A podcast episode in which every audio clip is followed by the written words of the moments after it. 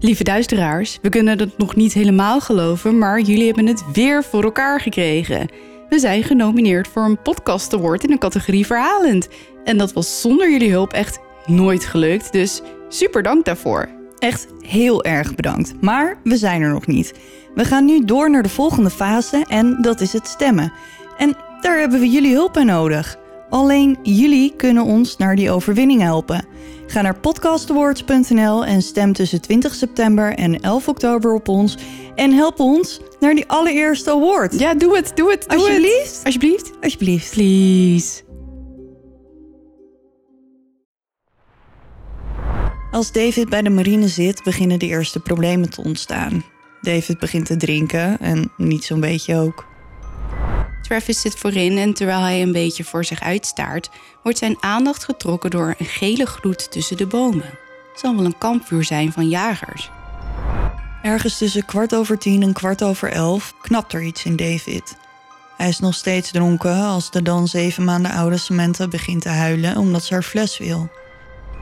Travis zit naast de telefooncel op de grond wanneer hij de koplampen ziet. De mannen omhelzen elkaar en meteen stelt Mike die ene vraag. Waar was je? Travis kan eigenlijk alleen maar snikken. Die ogen, die verschrikkelijke ogen.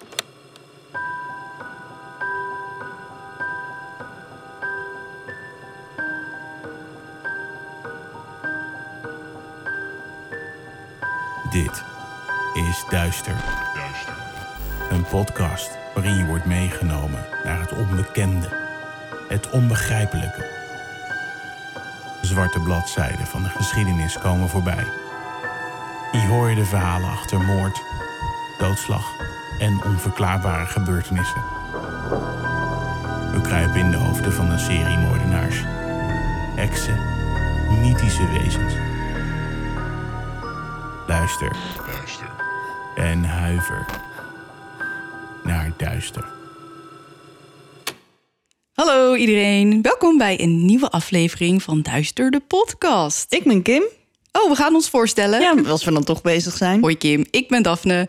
Voor iedereen die nog steeds niet weet wie nou wie is, check even de Q&A op eh, Instagram en op Facebook, want daar kun Of je ons YouTube. zien. Ja, en daar stellen we ons ook even voor. En, dan, eh, en als je benieuwd bent hoe het spook eruit ziet, dan moet je even heel ver terug scrollen. En dan ehm, staat er ook ergens een foto. Een foto Ja, van, van- het spook. van het De- spook. Een van de weinige keren dat hij zichzelf heeft getoond, Ja. gemanifesteerd. Ja. ja. Maar leuk dat iedereen er weer is. Ehm, Wij zijn ook blij dat we er weer zijn. zeker. Hebben een eh, leuke show, hoop ik. ik. Jij hebt iets verschrikkelijks, hoorde ik net al in de wandelgangen. Dat klopt. Dus ik heb er zin in, jee. Wordt vast janken. Die kans is aanwezig. Oh, Maar goed, voordat het nou allemaal heel erg eh, bergafwaarts gaat en eh, emotioneel wordt, hebben wij wat leuks. oh ja. Of tenminste, dan denken wij. Denk ja, oké. Eh, Als ik denk wat, je, wat ik denk dat je gaat zeggen, Ja. dan is het inderdaad heel leuk. Ja. Ehm, ik, we gaan nog niet te veel verklappen. Nee.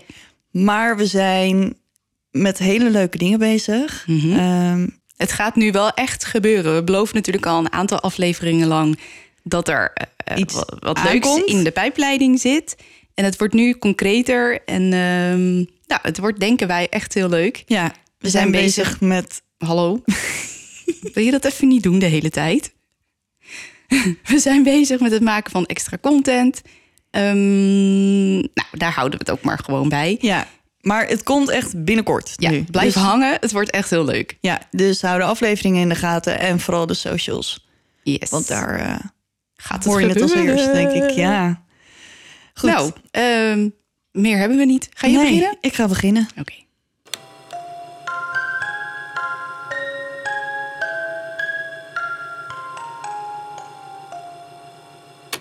Vandaag gaan we weer eens naar Engeland. Want dat is alweer even geleden. Mhm. Ehm, dit is het verhaal van het monster van Worcester. Oh, En dan is Worcester eigenlijk Worcester, maar je zegt dus Worcester.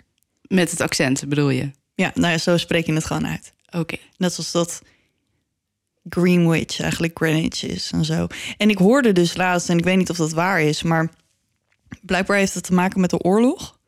Ehm, dat als je het niet uit kon spreken zoals het uitgesproken moest worden, dan wisten ze dus dat je niet uit de buurt kwam. Oh, Ehm, dan verraden je jezelf eigenlijk. ja, want er staat natuurlijk Worcester. Mhm. Maar als je dan Worcester zei, dan hadden ze zoiets van... Nee, nee, dit is niet hoe het hoort. We zeggen Woester. Dus er zit blijkbaar iets achter. Oké. Goed, Nou, bedankt beginnen. hiervoor. Ja, geschiedenislesje. Ja. David Anthony McGreevy werd in 1951 geboren in Southport, Lancashire. Zijn ouders zijn Thomas en Bella McGreevy en David is de op ene oudste van zes kinderen. Thomas, zijn vader, was een sergeant in het Britse leger en de familie verhuisde regelmatig voor zijn werk. Dit was natuurlijk niet makkelijk voor alle kinderen in het gezin, want ze bleven nooit lang op één plek. En iedere keer als ze ergens gewend waren, nieuwe vriendjes hadden gemaakt, was het weer tijd om naar de volgende plek te vertrekken, waar het hele riedeltje weer opnieuw begon. Weer een nieuw huis, in een nieuwe plaats, een nieuwe school, nieuwe mensen. Volgens Bella, Davids moeder, was David het gelukkigst toen de familie in Duitsland woonde. De kinderen vonden het heerlijk om daar te picknicken en te spelen en fietsen in de bossen. En ze gingen daar zelfs skiën. Dat vonden ze echt heel leuk. Als David 15 is in 1967 gaat hij van school om zijn grootste droom te realiseren. Hij meldt zich aan bij de marine. Tot die tijd heeft David een hele probleemloze jeugd gehad. Op de ene keer nadat hij het boodschappengeld van zijn moeder stal om een dagje naar Liverpool te gaan toen de familie in Cardiff woonde. Oh. Ja, ik heb de meeste informatie uit een documentaire over deze zaak. En daar zit een criminoloog in. En die zegt heel stellig dat deze actie erop wijst dat David ehm, echt heel impulsief was. Ehm, en toen dacht ik echt, maar het is, gewoon, het is gewoon een puur die misschien gewoon. Eh, ja, ik kan me nog wel aan herinneren dat een vriendinnetje van mij ook ooit eh, wat geld had gestolen van haar moeder. En daar kochten we snoepjes van. Dan denk ik ook, ja, ik weet het niet, man. Toen waren we elf. Ja, Ik ben toch ook niet echt een crimineel geworden? nou, Nee. nee. Maar toen dacht ik, nou, dat, je bent toch gewoon een puber, dus dan ben je toch. Het is toch niet per se een indicatie dat er iets mis is of zo. Nee. Als David bij de marine zit, beginnen de eerste problemen te ontstaan. David begint te drinken en niet zo'n beetje ook. Hij was ook geen gezellige dronkaard. Hij kreeg een kort lontje en ontvlamde bij het minste geringste. Hij werd als eerste gestationeerd op de HMS Eagle in Portsmouth en zijn collega's daar vonden hem ja, maar een beetje een arrogante, eigenwijze, verwaande kerel. Hm. Hij veroorzaakte vaak kleine problemen die hem straf opleverden, maar kleine dingen. Dus geen enorme overtredingen of zo. Tot dat hij in eind jaren 60 echt over de schreef gaat. Hij is dan gestationeerd op de RNAS Brady in Pembrokeshire en hij moet wacht staan. Als zijn dienst begint, komt hij dronken en geagiteerd opdagen. Tijdens zijn dienst, en ik weet niet waarom en wat hem bezielde, misschien verveelde hij zich, breekt hij in in het kantoor van een officier. Oh, dat klinkt niet als een goed idee. Nee, en hij kijkt daar een beetje rond en steekt dan een vuurtje aan in de prullenbak. Oké. Ja, en hij slaat dan alarm, terwijl hij volhoudt dat hij niets met het vuur te maken heeft. En want hij is alleen maar een ooggetuige. En volgens mij ging er later het verhaal dat hij zei van ja, nee, dat was een foutje, want ik heb mijn sigaret uitgemaakt of in de prullenbak gegooid en toen kwam er brand. Ja. Dus. Maar de hoge pieven van de marine geloven hem geen moment en ze courtmartialen hem. Hoe? Ja, hij moet dus voor de rechtbank binnen de marine verschijnen. En, maar ik kon daar het Nederlandse woord even niet voor vinden. Maar je hebt een natuurlijk soort van eigen rechtssysteem binnen de, binnen de defensie. Ja, Eh, en daar moest hij voor, verschijnen. voor verschijnen. Oké. Dus hij verschijnt daar en ehm, daar kunnen ze hem niet schuldig bevinden aan brandstichting, maar wel aan nalatigheid. Hij krijgt een straf van 90 dagen opgelegd. Ik weet alleen niet precies wat die straf inhield. Ehm, geen idee dus of hij 90 dagen vast heeft gezeten of op een andere manier gestraft is dat hij het dek moest schrobben of eh, de keuken schoon moest maken. Geen idee. In ieder geval betekent dit wel het begin van het einde van zijn carrière binnen de marine. Tijdens deze periode moet hij een psychiatrische evaluatie ondergaan, maar de uitslag daarvan is nooit bekendgemaakt, dus niemand weet wat er toen naar boven is gekomen of niet. Mhm. In 1971 begint David te schrijven met een zus van een van zijn collega's. Die had David blijkbaar een soort van haar gekoppeld. Haar naam is Mary en al snel schrijven ze elkaar twee keer per week brieven van meerdere kantjes. Na een paar maanden schrijven ontmoeten de twee elkaar voor het eerst. En als ze elkaar het weekend daarop weer zien, vraagt David Mary om met hem te trouwen. Dus dat is best wel vlot. Volgens Ja. mij hebben ze vier maanden of zo geschreven. En het, nou ja, toen eh, ontmoetten ze elkaar voor het eerst. En nou ja, het weekend daarop was het in één keer... hey, wil je met me trouwen? Maar nu is de vraag, zei ze ja. Mary zegt ja en de twee beginnen hun huwelijk te plannen. De moeder van David vond Mary helemaal niets. Mary had verschillende gezondheidsproblemen en Bella zag het gewoon niet gebeuren tussen David en Mary. In augustus van hetzelfde jaar wordt David ontslagen bij de marine en omdat hij nergens heen kan, gaat hij terug naar zijn ouders. Er is ook nooit naar buiten gebracht waarom de marine hem ontslagen heeft, dus dat weten we ook niet. Dus misschien is hij nog een keer over de schreef gegaan. Of misschien waren ze gewoon klaar met hem. In ieder geval is het niet bekend. Zijn grote droom ligt in duigen. En om toch ergens naar uit te kijken, begint hij met het plannen van een hele grote bruiloft. Terwijl hij heeft helemaal geen geld of een baan of wat dan ook. En hij ziet echt een soort van enorme kerkbruiloft voor zich met honderden mensen en eh, echt alles erop en eraan. Bij ieder baantje dat hij krijgt, wordt hij na korte tijd alweer ontslagen. Zijn drankgebruik, zijn houding en zijn arrogantie zorgen ervoor dat ze hem nergens lang willen houden. Mary zit helemaal niet op zo'n enorme bruiloft te wachten. Die was ook gewoon content geweest met een bruiloft op het stadhuis op maandagmorgen. Maar daar wilde David niet aan.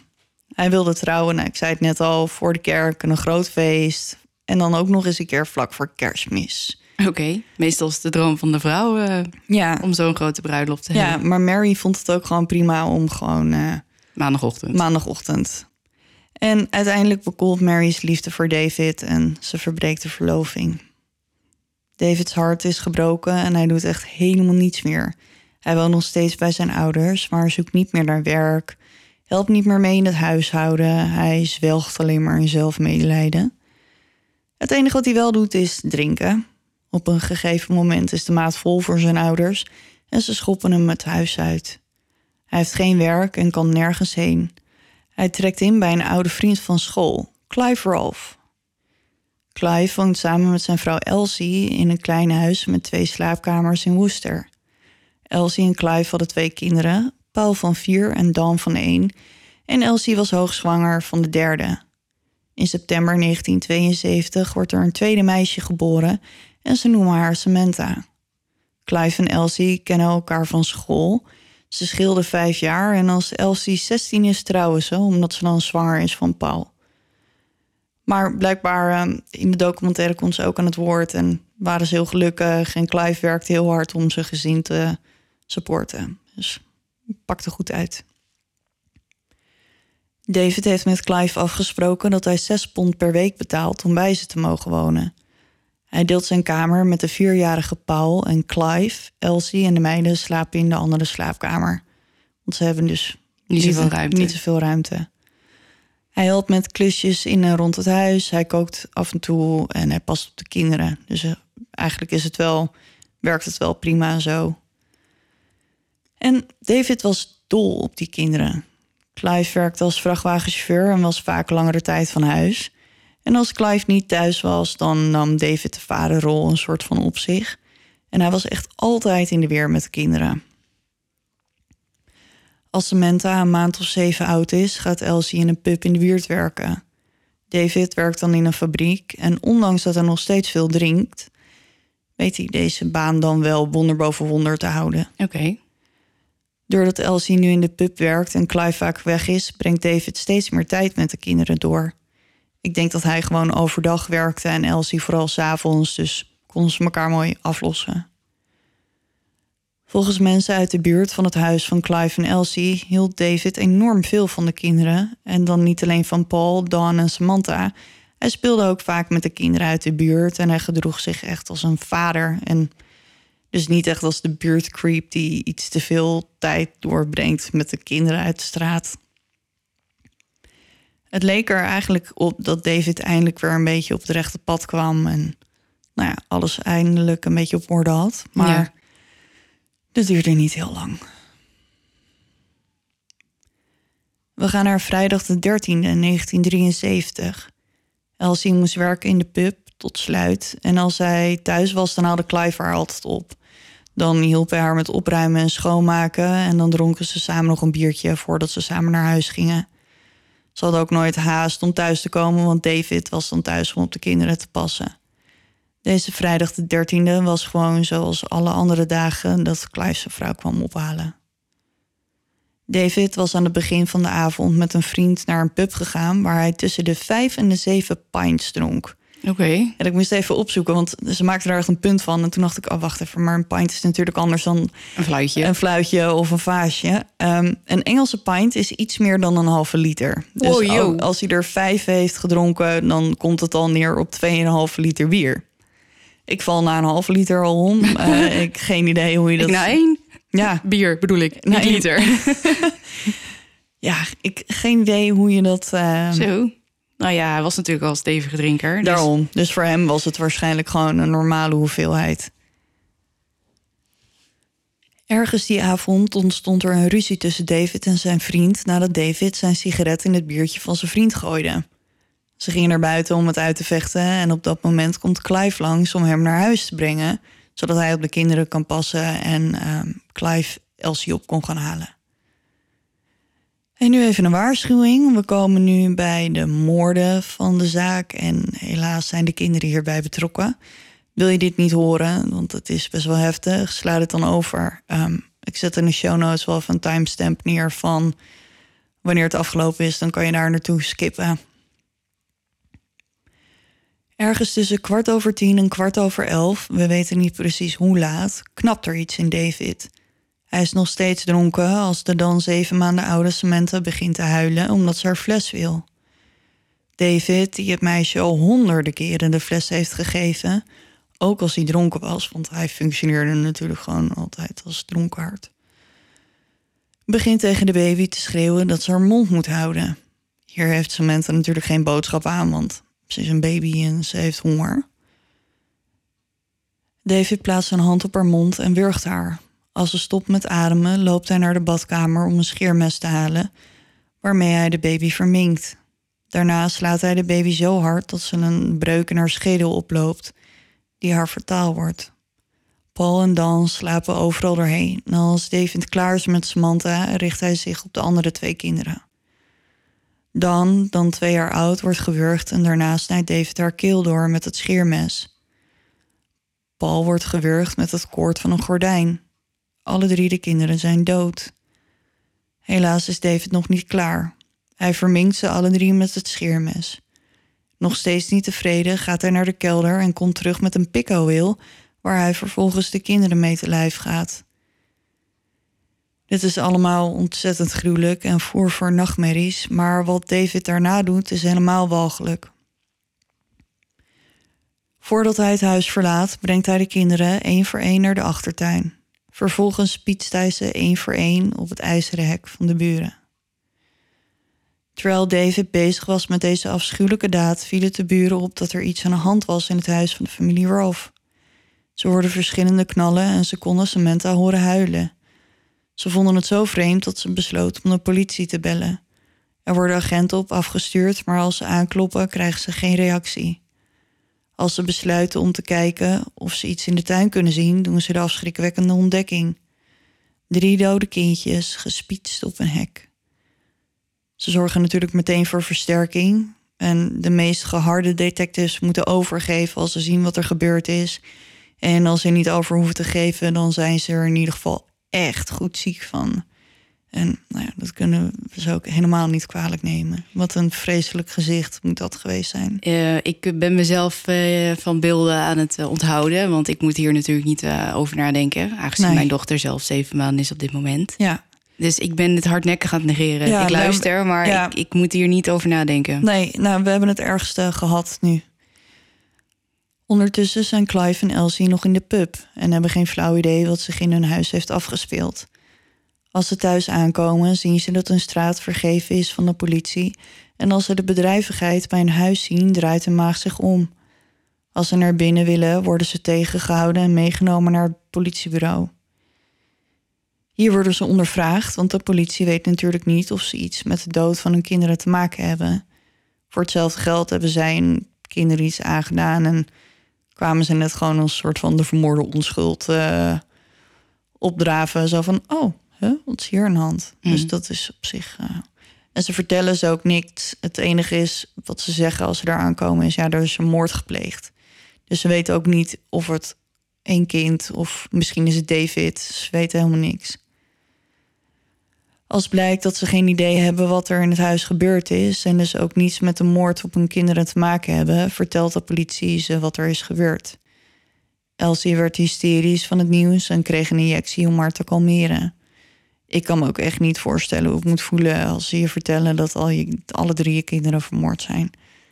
Nee, dat zeg ik. Ja. Ik, eh, ja, ik, ik moet me hier echt voor afsluiten. Ja. Nu de politie weet dat Clive en Elsie niets met de moorden te maken hebben, begint er een klopjacht op de andere volwassenen in het huishouden, David. Ze kammen de buurt uit, maar kunnen hem nergens vinden. Een paar uur later duikt hij op in de buurt van het huis en hij wordt gearresteerd. En als ze hem in de boeien slaan, roept hij: Wat is er aan de hand? Hm. Grapjurk. Ja, ze nemen hem mee naar het bureau en na een paar uur breekt hij en biecht op dat hij de moordenaar van de drie kinderen is. Niemand wist wat zijn motief was, ook David zelf niet. Iedereen die hem kende wist dat hij dol was op de drie kleintjes. Hij hield van ze. Er was ook nooit een enkele aanwijzing dat hij nou, de kinderen op wat voor manier dan ook misbruikte. Ehm, en ook, er was ook niks in zijn verleden wat erop wees dat hij zich misschien aangetrokken voelde Ja. tot kinderen. Of ooit zou gaan eh, misdragen. Ja, terwijl echt iedereen die ze spraken zei gewoon nee, hij was zo goed met die kinderen en gewoon echt op een vaderlijke manier en niet, ehm, nou, wat ik zei, de buurtcreep of een enge, enge kerel. Elsie kon ook geen enkele verklaring voor zijn daad bedenken. Volgens haar kon hij urenlang met de kinderen spelen en hij was zelfs een keer tegen haar uitgevallen omdat ze Paul voor iets strafte. ja, dus daar was hij het niet mee eens. Tot op de dag van vandaag weten we nog steeds niet wat het motief was. David is wel eens gevraagd waarom hij de moorden had gepleegd en zijn antwoord was: Dat probeer ik voor mezelf ook te achterhalen. Op maandag 16 april 1973 verschijnt David voor het eerst voor de rechter. Binnen 10 minuten wordt hem de moord op de drie kinderen ten laste gelegd. Daarna begint de rechtszaak en de openbaar aanklager besluit de meeste details van de moorden weg te laten, omdat het allemaal veel te vreselijk is om aan te horen. David pleit schuldig en omdat hij helemaal niets te zeggen heeft, of zijn advocaat, duurt de zaak deze keer maar acht minuten. Op maandag 30 juli 1973 krijgt David zijn straf te horen. Er werd hem een levenslange gevangenisstraf ten laste gelegd. Omdat de zaak zo vreselijk was, besloot de rechter dat hij voor minstens 20 jaar vast moest blijven zitten voordat hij kans maakte op vrijlating. Kindermoordenaars doen het niet zo goed in de gevangenis en David werd meerdere keren aangevallen door medegevangenen. Zijn cel werd regelmatig overhoop gehaald en vernield en ehm, er werd over zijn spullen heen geplast en er werd poep over uitgesmeerd. En nou ja, het grootste deel van zijn tijd in de gevangenis heeft hij doorgebracht onder bescherming van regel 43. En die regel is er voor kwetsbare gevangenen of gevangenen die bescherming nodig hebben voor hun eigen veiligheid. Ja, Oké, Mhm, ja. ik heb hier een mening over. ja. Je bent vast niet de enige. Nee. Er is meerdere keren geprobeerd om David terug te plaatsen op een gewone afdeling, maar iedere keer was hij snel weer terug nadat er werd aangevallen of als gevangenen wisten wie hij was en wat hij had gedaan. Het schijnt trouwens dat hij ehm, Ian Brady, en dat is een van de Moors-moordenaars, uit heeft gedaagd voor een gevecht om te kijken wie er de meest beruchte moordenaar was. Wat de hel. Eh, de Moorsmoorden staan op mijn lijstje, dus die ga ik zeker nog een keer doen. Dus tegen de tijd dat we eraan komen, dan weten we dus dat ze samen in de gevangenis hebben gezeten.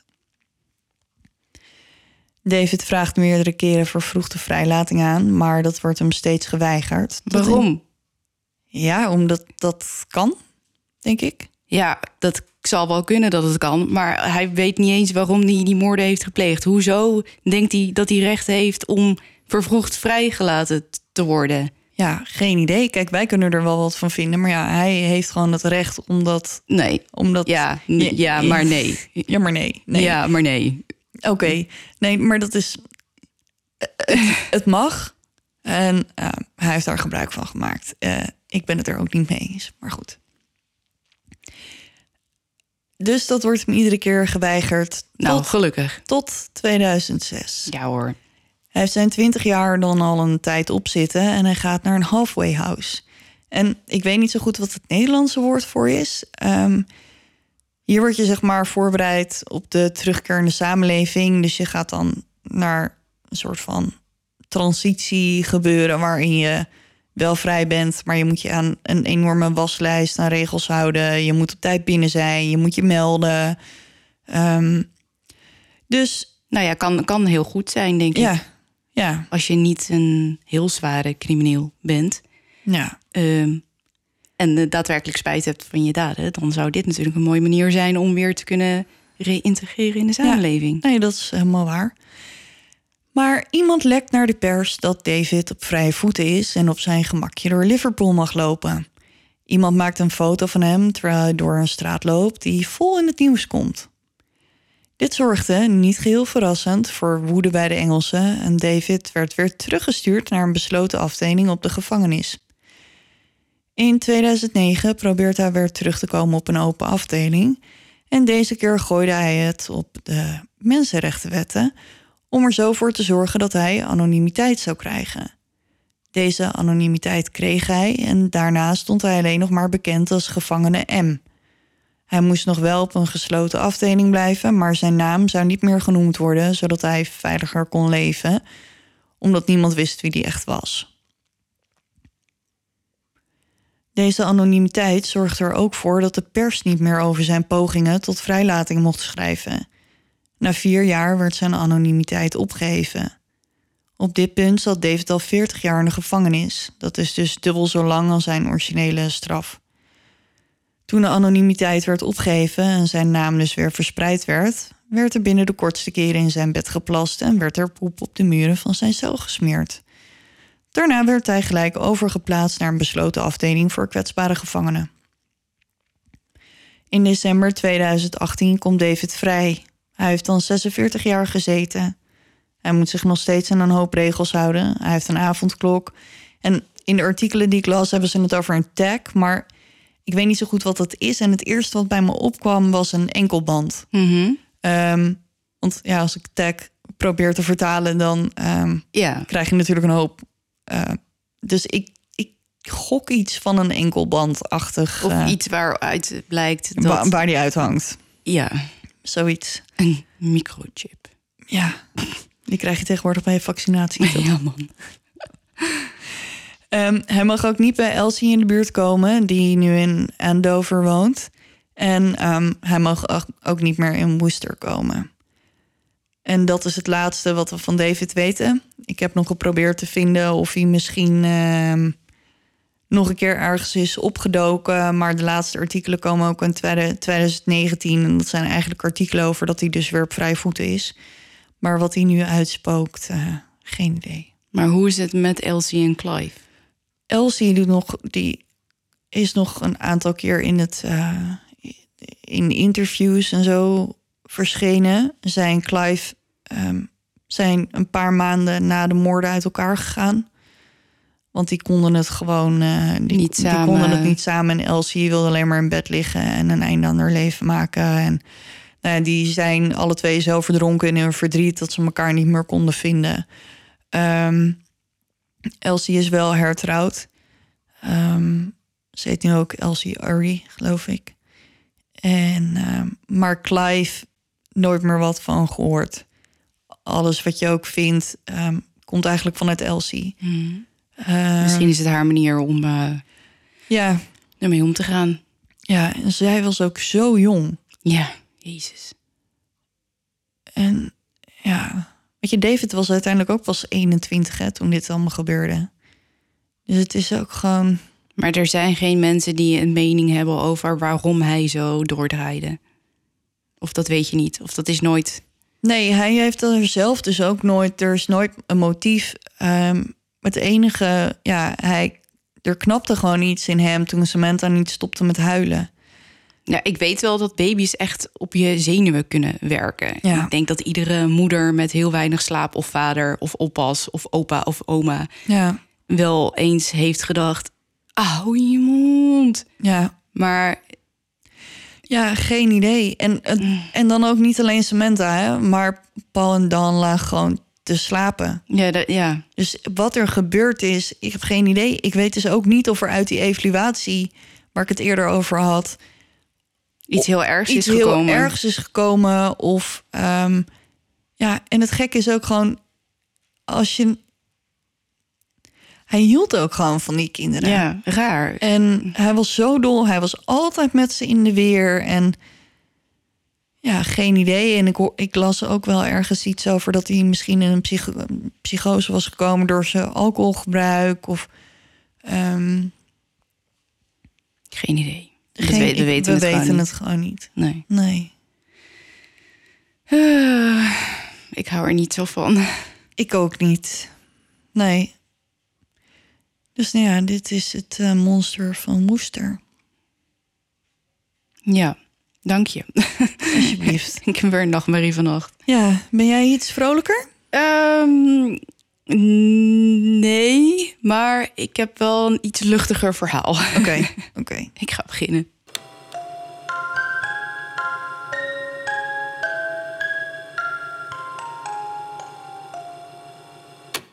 Het leek mij wel weer eens tijd voor een buitenaardse aflevering. Ik zie jou alweer kijken.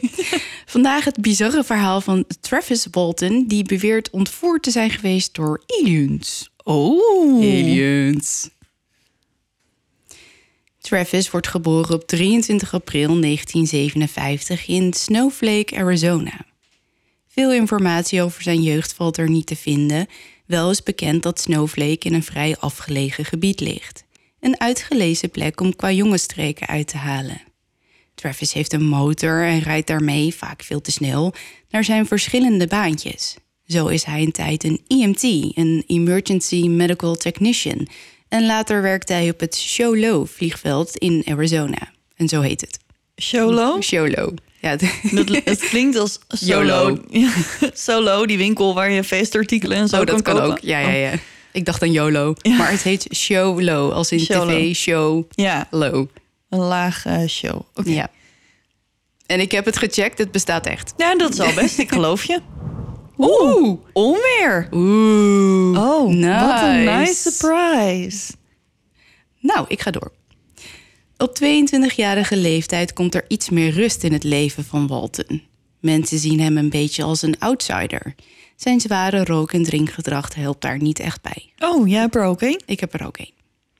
Een paar maanden geleden is Travis houthakker geworden. Dat klinkt als een simpel baantje, maar dat is het niet. Er gaan redelijk wat precieze berekeningen vooraf aan het omzagen van een boom. Ook het weten, zien en kennen welke bomen geschikt zijn voor handel is belangrijk en vergeet natuurlijk niet de fysieke kant van het werk. En Travis houdt van dit werk. Hoog in de afgelegen bergen, in de dichte groene naaldbossen, waar de lucht ijl is en wilde dieren ongestoord leven. Soms zitten ze zo hoog dat ze op de wolken neerkijken. Wegen zijn er bijna niet en de meeste paden zijn gemaakt door pioniers, twee eeuwen geleden. Travis voelt zich hier extra verbonden met zijn voorouders. Een deel van hem is Native American en een deel van hem is Mormoons, iets wat niet veel mensen van hem weten. Wat een bijzondere combinatie. Ja, vond Ja. ik ook. Samen met zes andere mannen trekt hij dagelijks de berg in. De meeste van hen werken op contractbasis voor de United States Forest Service. Meestal proberen ze met z'n allen, wanneer een contract afgelopen is, door te gaan naar het volgende. Zo komt het dat Travis nu al een tijdje met dezelfde collega's werkt en ze goed kent. Ze hebben allemaal zo hun beperkingen en eigenlijk zijn ze best een raar groepje, maar er is respect voor elkaar en niet geheel onbelangrijk, vertrouwen. En dat is ook wel nodig, zo afgelegen in de bergen hebben ze alleen elkaar. In de vroege ochtend van 5 november 1975 vertrekt de ploeg vanaf het verzamelpunt. Ze zullen werken in het Apache Sitgreaves National Forest. Het is koud en mistig en er is maar een paar honderd meter zicht. De vogels kwetteren hoog in de bomen, maar buiten dat is het doodstil en valt er geen mens te bekennen. De stemming onder de mannen is opgewekt, ondanks de kou en het vocht in de lucht dat langzaam in hun kleren trekt. Travis weet dat als hij straks eenmaal bezig is, hij het niet lang meer koud zal hebben.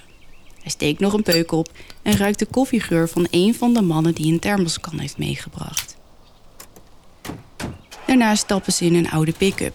De mannen werken aan het Turkey Springs Thinning Contract, oftewel het uitdunnen van een bepaald gebied.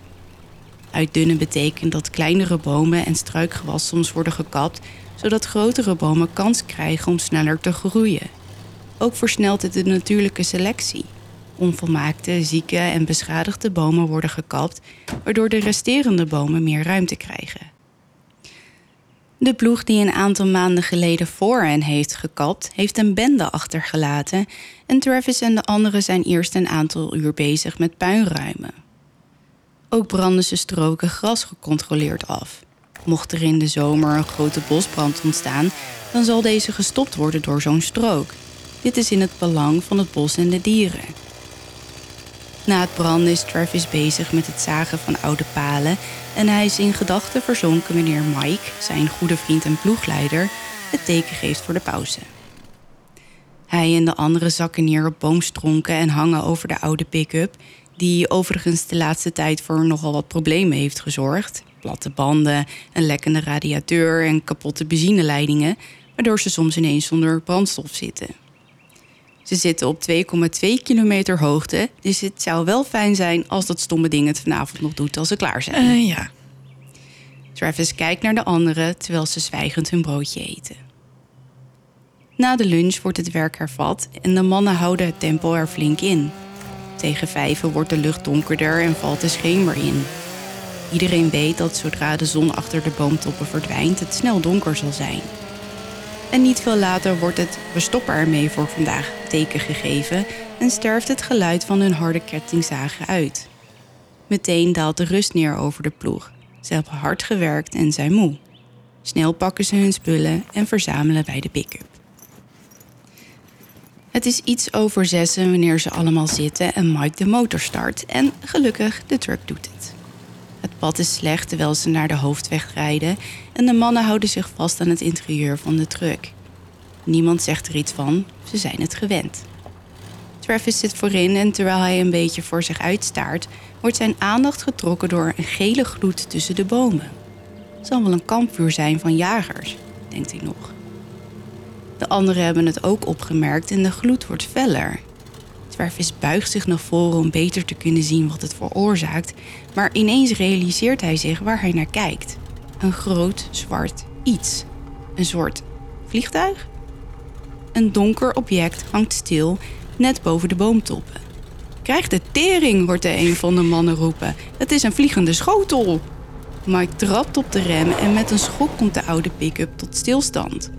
De anderen zien het nu ook en hun harten kloppen zo luid dat Travis het bijna kan horen. De zachtgele waas van het object verlicht de directe omgeving vaag met een griezelige gloed. Onder het vreemde licht vormt het omringende bos bizarre tinten die heel anders zijn dan de natuurlijke kleuren. De bomen, het struikgewas en het gras weerspiegelen allemaal nieuwe, subtiele, eigenaardige tinten. Travis schat dat het object een totale diameter heeft van 6 meter en het is zo'n 2,5 meter dik. De afgeplatte bovenkant heeft de vorm van twee gigantische taartpunten die met de breedste kant tegen elkaar zijn geplaatst. Er zijn geen antennes zichtbaar of andere kenmerken die op een vliegtuig duiden en het object maakt geen geluid terwijl het voorkomen stil hangt. De mannen, nog altijd in de pick-up, kijken vol ontzag naar het vaartuig. Plots neemt Travis een besluit en gooit de deur van de truck open. Hij moet dat ding van dichtbij bekijken. Langzaam stapt hij uit en loopt voorzichtig op het vaartuig af.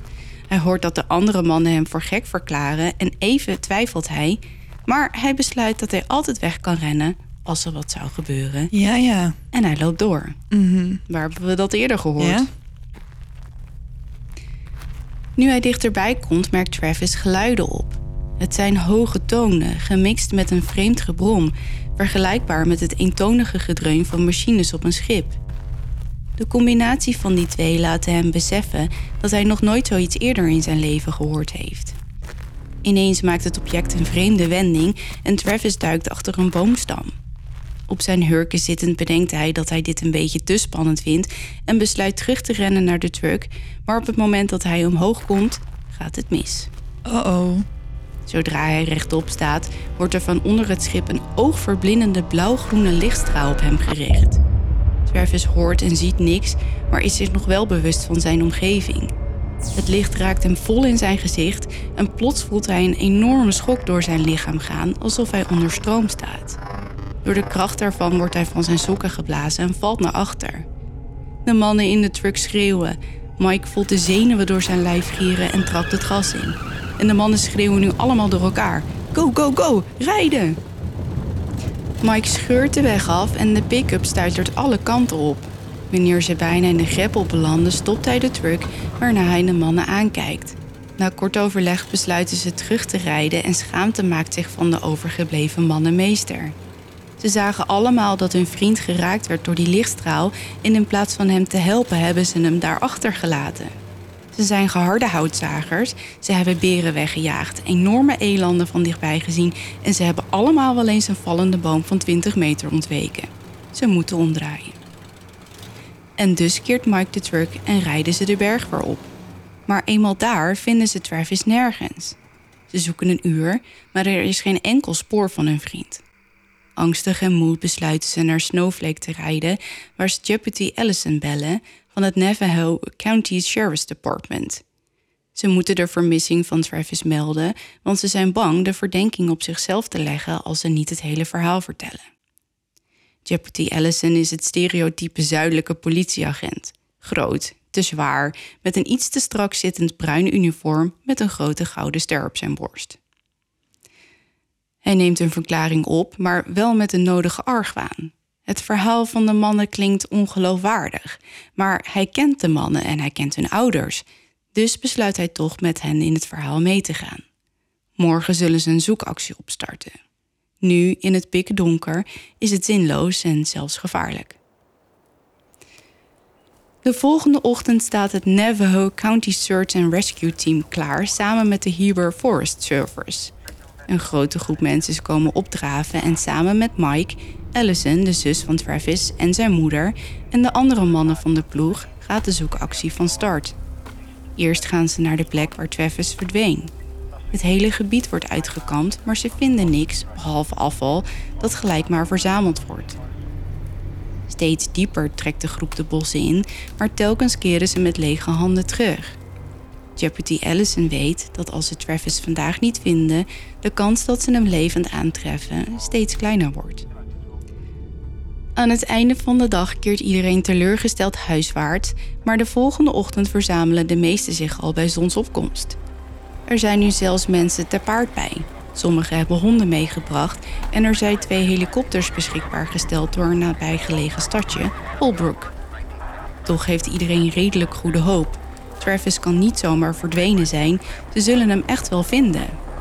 Maar het verhaal van de vliegende schotel is de avond ervoor als een lopend vuurtje door de groep gegaan en de mensen beginnen zich af te vragen wat er nou precies aan de hand is. Mike en de mannen houden echter vol dat ze Travis niet vermoord of zo hebben en blijven bij hun verhaal.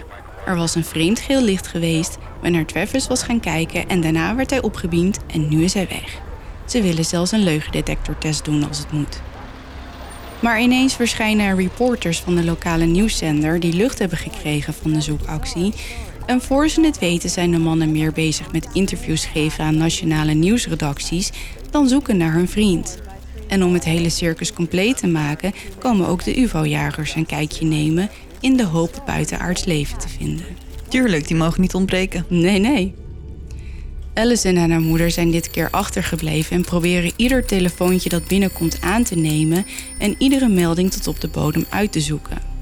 Zo zou Travis op meerdere plekken in het land gespot zijn, was hij al in Canada opgedoken en er had zelfs een vrouw gebeld die beweerde met hem getrouwd te zijn. Ze liet Travis' moeder weten dat ze bericht van hem had gehad. Hij was veilig geland op Mars. Oké. ja. Toch gaat ook de derde dag de zoektocht door. Mensen te paard bekijken elke regel. De helikopters zijn nu uitgerust met warmtesensoren. En de mensen te voet hebben al tientallen kilometers gelopen. Zonder resultaat. En het is alsof iedereen naar de lucht kijkt, want de ene UFO-melding naar de andere komt binnen. En om de zaak nog ingewikkelder te maken, zijn er enkele bizarre tegenslagen. Auto's werken ineens niet meer. Eerder op de dag sloeg er een paard op hol die ze nu niet meer kunnen vinden. En de walkie-talkies storen, waardoor contact tussen verschillende groepen bemoeilijkt wordt. Aan het eind van de vierde dag wordt de klopjacht gestaakt. Er is geen twijfel mogelijk. Travis Walton is echt niet in het bos. Dat is nu wel duidelijk. Maar nu rijst de vraag: waar is hij dan wel? Mars. Is hij echt mee? Is Ja. Mars. ja. Is hij echt meegenomen in dat ruimteschip? Vreemd genoeg blijven de meeste mensen kalm. Er is namelijk een collectief gevoel ontstaan, namelijk dat Travis echt veilig is en wel weer zal opduiken. Niemand kan uitleggen waarom, maar toch is het zo. Op dag 5 worden Mike en de mannen opgeroepen om een leugendetectortest te doen.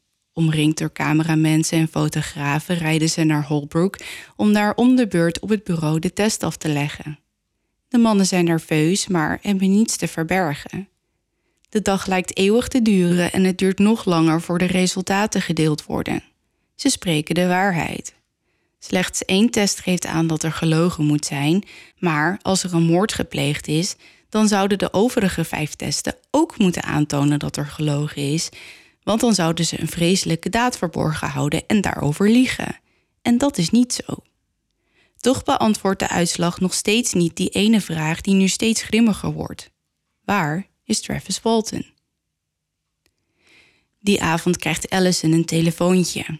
Haar man, Grant, neemt op. Allison ziet zijn gezicht vertrekken terwijl hij luistert met de hoorn aan zijn oor.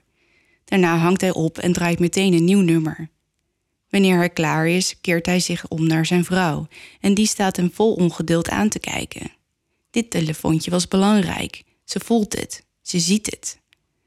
Grant slikt en vertelt haar dan wie er belde. Het was Travis. Vanuit een telefooncel. Oh, ik dacht van Mars. Mike is gestuurd om hem te halen.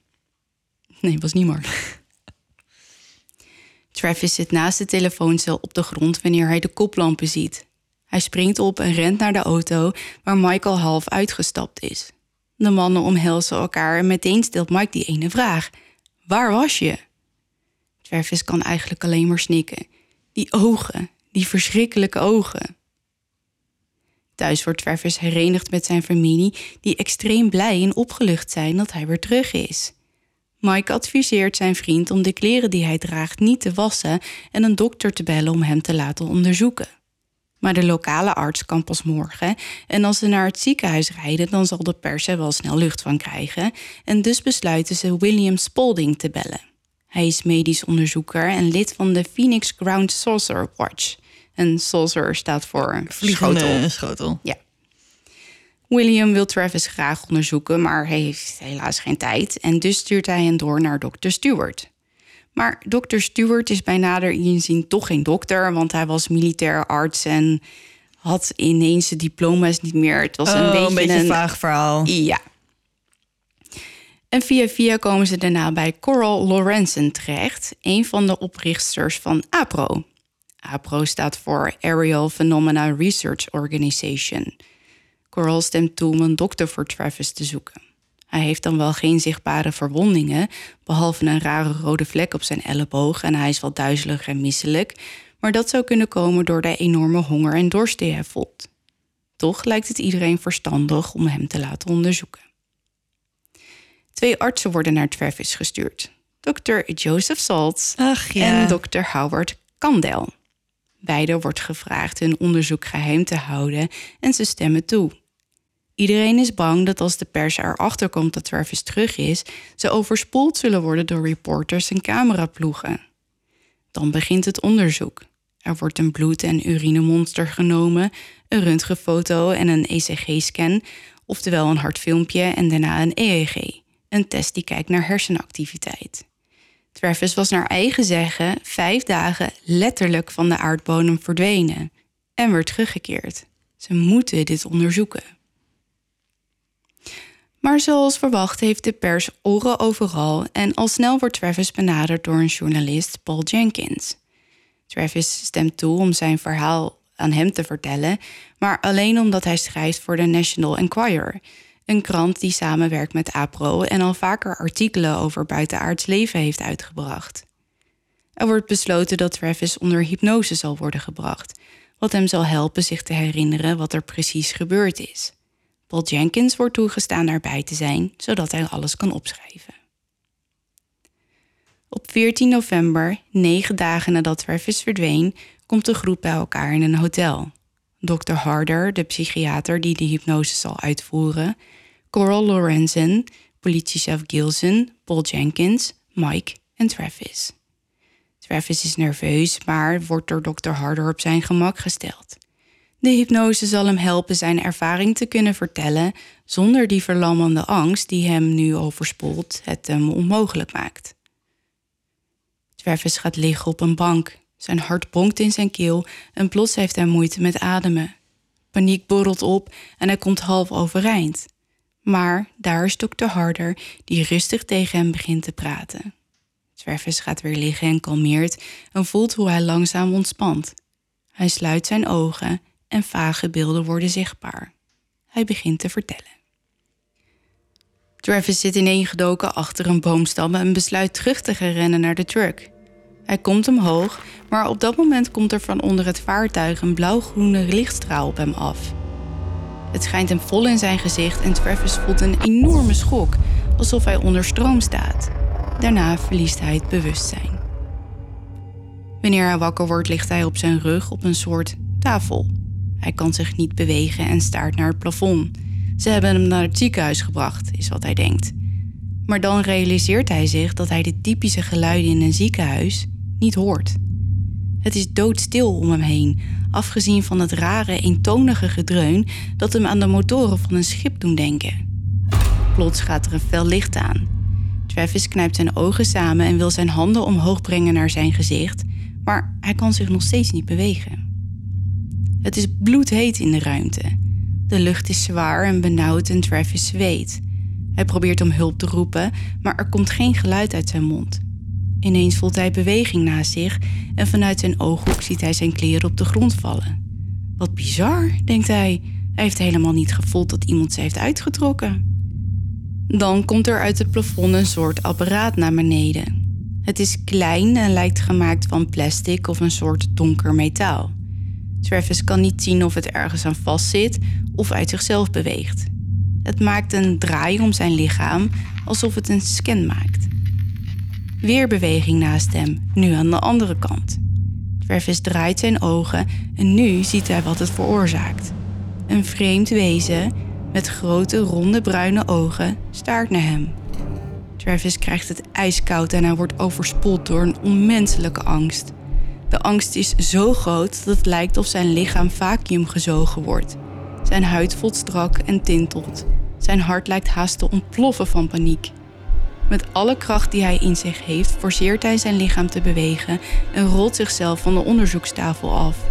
En nu begint het hem te dagen. Hij is niet in het ziekenhuis, hij is in dat verdomde ruimteschip. Zijn benen houden het gewicht van zijn lichaam niet en zwalkend probeert Travis van het vreemde wezen weg te komen. In paniek sleept hij zich naar iets wat lijkt op een hypermodern tafeltje waar attributen op liggen. Snel kijkt hij achterom en ziet dan pas dat er nog twee andere wezens in de ruimte zijn en dat ze nu op hem afkomen. Travis grijpt iets van het tafeltje om zichzelf tegen hen te beschermen en schreeuwt nu dat ze uit zijn buurt moeten blijven. De wezens steken hun armen naar hem uit alsof ze hem proberen te kalmeren. Travis staat in de hoek van de ruimte bij iets wat lijkt op een deur, terwijl hij het vreemde voorwerp dat op het tafeltje lag nog altijd voor zich houdt als wapen. Hijgend staat hij de wezens aan te staren die nu enkele meters voor hem stilstaan. Weer schreeuwt hij naar hen dat ze uit zijn buurt moeten blijven, maar de wezens reageren niet. Tijdens dit bizarre moment heeft Travis heel even de tijd om ze te bekijken. Ze zijn zo'n 150 centimeter groot en hebben menselijk uitziende ledematen met vingers en tenen. Maar buiten de contouren is enige gelijkenis met mensen angstaanjagend afwezig. Hun dunne botten zijn bedekt met een witte, bijna doorzichtige huid. De huid is zo dun dat de aderen eronder zichtbaar zijn. Hun hoofd is kaal en hun nek is smal, waardoor hun schedels te groot lijken voor hun lichaam. Ze hebben een smalle kaak en dunne lippen en aan beide kanten van hun hoofd zitten kleine oren. Hun hele uiterlijk doet Travis denken aan een nog onvolgroeide baby in de baarmoeder. De wezens dragen een soort pak uit één stuk, gemaakt van zacht uitziend suèdeachtig materiaal, oranje-bruin van kleur. Travis ziet geen structuur in het materiaal zoals bijvoorbeeld stof dat heeft. In feite lijken hun kleren zelfs helemaal geen naden te hebben. Er zijn geen knopen of ritsen, het lijkt haast wel een duikpak. Dan kijkt hij naar hun handen. Ze zijn klein en delicaat, met dunne lange vingers zonder haar, nagels of rimpels, die de menselijke huid wel heeft. Travis, die nog steeds als een opgejaagd dier in de hoek van de kamer staat, weegt in zijn hoofd paniekerig al zijn opties af. Hij moet hier weg. Hij kan ze aanvallen, hij weet wel het een en ander van karate, of hij kan gewoon gaan rennen en ze opzij beuken. Hij hoopt maar dat ze niet giftig zijn of zo, maar dat is een probleem voor later. Ja, weet hij veel. Ja. En terwijl hij zijn rug recht voor de aanval en op het punt staat hem in te zetten, draaien de wezens zich plots om, lopen op een muur af wanneer er een soort geheime deur openschuift en verdwijnen. Travis zakt door zijn knieën. De adrenaline die zijn lichaam aangemaakt had voor de aanval op de wezens, laat hem nu oncontroleerbaar trillen en een snikkend geluid ontsnapt uit zijn keel. Langzaam begint hij tot zichzelf te komen en hij gaat rechtop zitten. Hij moet uitvogelen hoe hij hier wegkomt. Hij gaat hier dus mooi niet blijven. Op handen en voeten gaat hij de ruimte door. Hij vindt geen naden of kieren. De deur krijgt hij met geen mogelijkheid open. En het lijkt wel alsof de hele ruimte met metalen platen aan elkaar gelast is. Plotseling schuift de deur open. Even blijft Travis als verstijfd zitten, maar dat duurt niet lang en hij staat op en strompelt er naartoe. De deur leidt naar een lange gang waar niemand te bekennen valt. Travis twijfelt geen seconde en zet het hinkend op een rennen. Aan het eind van de gang slaat hij rechtsaf en rent door. Hij passeert een aantal ruimtes waarvan de deur open is, maar hij stopt niet. Weer slaat hij af zonder na te denken, maar plots stopt hij. Wat is hij nou aan het doen? Hij kan wel doelloos rondjes rennen, maar hij moet een uitgang zoeken. Aan het eind van de gang, die er nogal Star Wars-achtig uitziet, bevindt zich een andere ruimte. Voorzichtig loopt Travis naar binnen. De ruimte is groot en rond en behoorlijk donker. In het midden staat een soort stoel waar hij nu langzaam op afloopt. Maar ineens gaat er een zacht licht aan. De wanden van de ruimte lijken wel van donker glas te zijn en met iedere stap die Travis dichter bij de stoel zet, worden de wanden doorzichtiger. Wanneer hij de stoel bijna bereikt heeft, kan hij alles zien. Er vertoont zich een prachtig sterrenstelsel. De stoel heeft een aantal rare knoppen en hendels en wanneer Travis voorzichtig de hendel aanraakt, verschuiven de sterren op de wanden. Het is adembenemend mooi en het is net alsof hij door de ruimte vliegt. Maar dan ineens komt het besef: holy cow, wat als dat echt zo is? Ik zit echt in de ruimte. Ja, dan is de aarde duizenden kilometers ver weg. Hoe komt hij in godsnaam terug? Paniekerig denkt hij na, maar ineens schuift er weer een deur open. Er komt een man de kamer binnengelopen. Travis kan wel huilen van opluchting. Een mens, hoe komt hij hier dan terecht? Snel loopt hij op de man af en begint een reeks vragen op hem af te vuren. Hoe komt hij hier? Waarom zijn ze hier? Wie zijn die wezens? Hoe komen ze hier weg? De man blijft verrassend stil. Hij reageert op geen enkele vraag. Hij staat daar maar met een vriendelijke glimlach op zijn lippen. Travis is even verward, maar de man pakt hem bij zijn elleboog en begint hem zachtjes weg te leiden. Travis beweegt met hem mee en kijkt half opzij. De man draagt een blauw pak, een soort overal. Hij heeft een riem om, een helm op en draagt stevige zwarte schoenen. Hij ziet er bijna uit als een elektricien op een bouwplaats. Weet je wel? Mhm, ja. Aan zijn riem hangt gereedschap, maar iets aan de vorm en kleur laten het lijken op een slechte kopie van al het gereedschap dat Travis kent. Ze lopen nu een gang door, slaan linksaf en betreden nu een nieuwe, kleinere ruimte, net iets groter dan een lift. Zodra ze binnen zijn, schuift de deur achter hen dicht. Travis merkt dat de lucht in deze kamer veel aangenamer is. Het is lichter en koeler en het is een stuk prettiger dan die benauwde warme kamer waar hij in wakker werd. Weer vraagt hij de man waar ze heen gaan, maar hij krijgt nog steeds geen antwoord. Ze staan enkele minuten in de kamer, wat een eeuwigheid lijkt te duren als er ineens een deur recht voor haar neus openschuift. De man komt weer in beweging en Travis volgt hem. Ze lopen een enorme ruimte in. Het plafond heeft rare rechthoekige vormen en de ruimte lijkt in een punt te lopen. Ze doorkruisen hem en Travis kan het niet laten enigszins verwonderd om zich heen te kijken. Wanneer ze aan de overkant komen, schuift er wederom een deur open. Ze lopen naar binnen. In deze nieuwe ruimte staan drie mensen, twee mannen en een vrouw. Ze dragen dezelfde vreemde blauwe pakken en zien eruit als mensen, maar toch kloppen ze niet. Net als de man die Travis naar deze kamer heeft geleid. De man naast hem duwt hem zachtjes naar voren, maar Travis blijft staan. Wat gaat er gebeuren? Wie zijn deze mensen? De anderen komen nu ook naar voren en gezamenlijk duwen ze hem richting een onderzoekstafel. Travis begint weer in paniek te raken en verzet zich, maar ze zijn sterker en duwen hem voorzichtig op de tafel. Het gaat bijna gemoedelijk en Travis beseft zich dat hij het niet van hen gaat winnen. Met grote ogen staart hij naar het plafond en ziet dat dan een van de vreemdelingen een soort masker vast heeft. Het lijkt op een beademingsmasker zoals die je in het ziekenhuis ziet, maar dan zonder de zuurstofslang. Het wordt op zijn gezicht geplaatst en dan wordt alles zwart. Travis wordt in het pikkendonker wakker op een ijskoude weg van asfalt. Hij heeft het intens koud en begint meteen te klappertanden. Boven zich hoort hij een zuizend geluid en hij kijkt op naar de donkere hemel. Boven hem zweeft het ruimteschip. Het straalt weer die zachtgele gloed uit. Ineens schiet het vaartuig de lucht in en verdwijnt uit het zicht. Travis krabbelt omhoog en zet het op een rennen. Hij rent en hij rent en hij rent, totdat hij een telefooncel tegenkomt waar hij met trillende vingers de operator belt, die hem daarna doorverbindt met het huis van zijn zus. Zijn zwager, Grant, neemt zijn telefoontje aan. Hello. Het enige wat hij uit kan brengen is: Ik ben het, Travis. En dat is het verhaal van Travis Walton, die ontvoerd werd door aliens. Wauw. En nu heb ik dus nog eigenlijk een aflevering te vullen met de analyse. Hmm. Eh, dat gaan we niet doen. Dat gaan we ergens op een ander momentje verzinnen. Maar ik heb nog wel een klein slotje. Sommige ufologen zijn ervan overtuigd dat Travis de waarheid sprak. Het grote aantal details dat hij vertelde kwamen overeen met sommige andere verhalen van mensen die hetzelfde meemaakten. Skeptici beweren echter dat Travis het hele verhaal verzon om geld te verdienen. Hij zou zich hebben laten leiden door films en boeken over aliens, die in die tijd zeer populair waren. Maar feit is wel dat Travis vijf dagen lang ontvindbaar was. Hij droeg dezelfde kleren toen hij weer opdook, had een vijf dagen oude baard, was afgevallen en gedroeg zich angstig en paniekerig.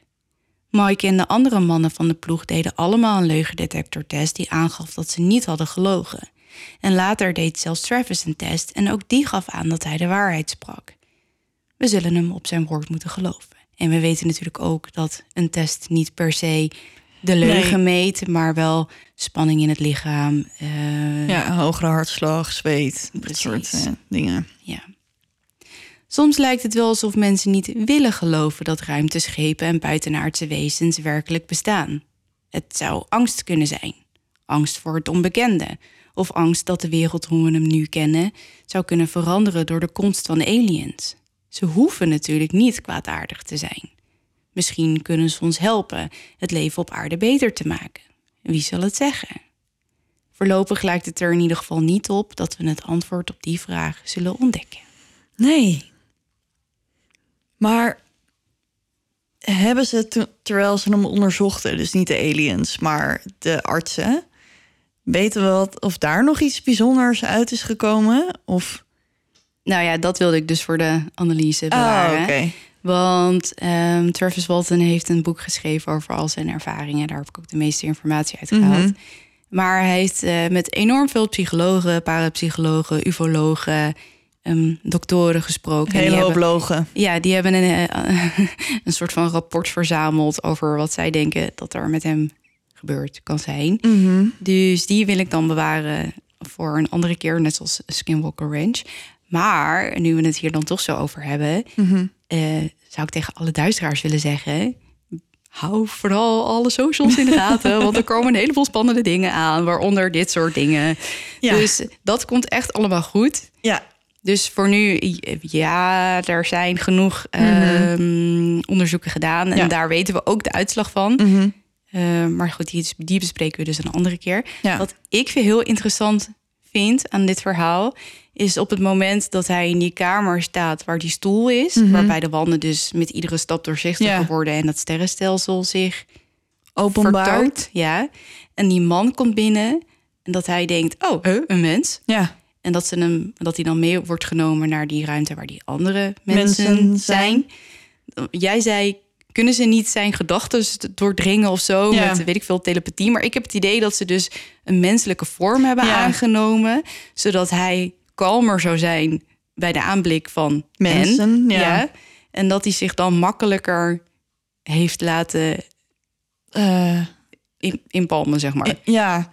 ja, want vaak hoor je dan, weet je, ik dacht inderdaad van, maar met dit soort verhalen is het gewoon vaak dat ze in hun hoofd praten. Ja, ja, ja, zeker. En dus daar zat ik eigenlijk op te wachten. Want dan, maar ik dacht inderdaad, toen jij begon over die mensen en er klopt iets niet en hij zei niks, toen dacht ik inderdaad, oké, maar het voelt inderdaad alsof ze een soort van geshapeshift zijn in ja, menselijke vorm. zodat hij makkelijker met ze meegaat. Ja, Maar ik kreeg niet het idee dat ze heel erg eh, gewelddadig of zo nee, zijn. nee. Maar goed, wat ze nou met hem uitgevroten hebben, dat, eh, dat weten we niet, overigens. Oh, ja, dat is jammer.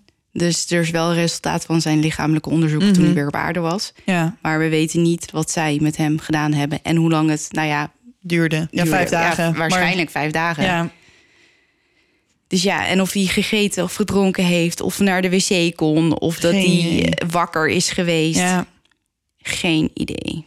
ja. Maar dit is een van de allerbekendste verhalen over iemand die beweert ontvoerd te zijn eh, Door aliens. door aliens ter wereld. En er waren getuigen, de andere mannen van de ploeg. Ja. ja, dat zie je ook niet vaak. Nee. Hmm. Ja, cool man. ja, dus dat was het verhaal van uh, Travis Walton, die eh, vijf dagen van de aarde verdween. Letterlijk. Ja, Ja, van de aardbodem, ja. ja. Oké, nou dan zit hij er weer op. Dan zit hij er zeker weer op, ja. Ja. Zal ik dan nog even snel eh, mijn riedeltje er Ja, maar het moet eh, hip en, eh, en snel volgens het spook. Hip en snel. Hip en snel. Oké, nou wil je ons volgen en wil je meer zien van onze podcast? Ga dan nu snel naar het Duisterpot. Ja, maar daar stagneert het altijd zo. Zeg gewoon, je vindt ons op Instagram, Oh, op ja. Facebook. Je vindt ons ook op YouTube. Daar kun je ons wel horen, maar niet, Niet zien. zien. Ehm, we hebben ook een website, www.thuisdepodcast.nl. Daar vind je alle show notes. En ook kun je daar je verhaal sturen naar ons, mocht je iets met ons willen delen. Ja. Of heb je een ervaring op paranormaal gebied. Of misschien heb je wel moord meegemaakt, weet ik veel. Nou, niet op jezelf, maar eh, misschien, Dat kan ook. misschien is je buurman vermoord, geen idee. Ja. Dan kun je je verhaal sturen naar mijn Ja. verhaal, het duisterpodcast. Of als, je een, of als je een geest bent en graag contact met Dat ons wil maken, kan ook. Ja, Maar meld het dan even van tevoren, dan schrik ik me niet een hartaanval, waardoor ik ook een geest word. oh ja. Hmm. Nee, dat moeten we niet hebben. Nee. Nee, oké. Dus dat. Ja, dat was het, jongens. Ik, sorry dat ik je socials heb gekaapt. Ja, geeft niet. Maar weten mensen dan nu waar ze moeten kijken? Ik denk het wel. Oké, Komt goed. oké. Nou jongens, bedankt voor het luisteren. Ja, heel erg bedankt. Tot over twee weken. En onthoud, Blijf, in het licht. Want je weet nooit wat er in het duister op je wacht.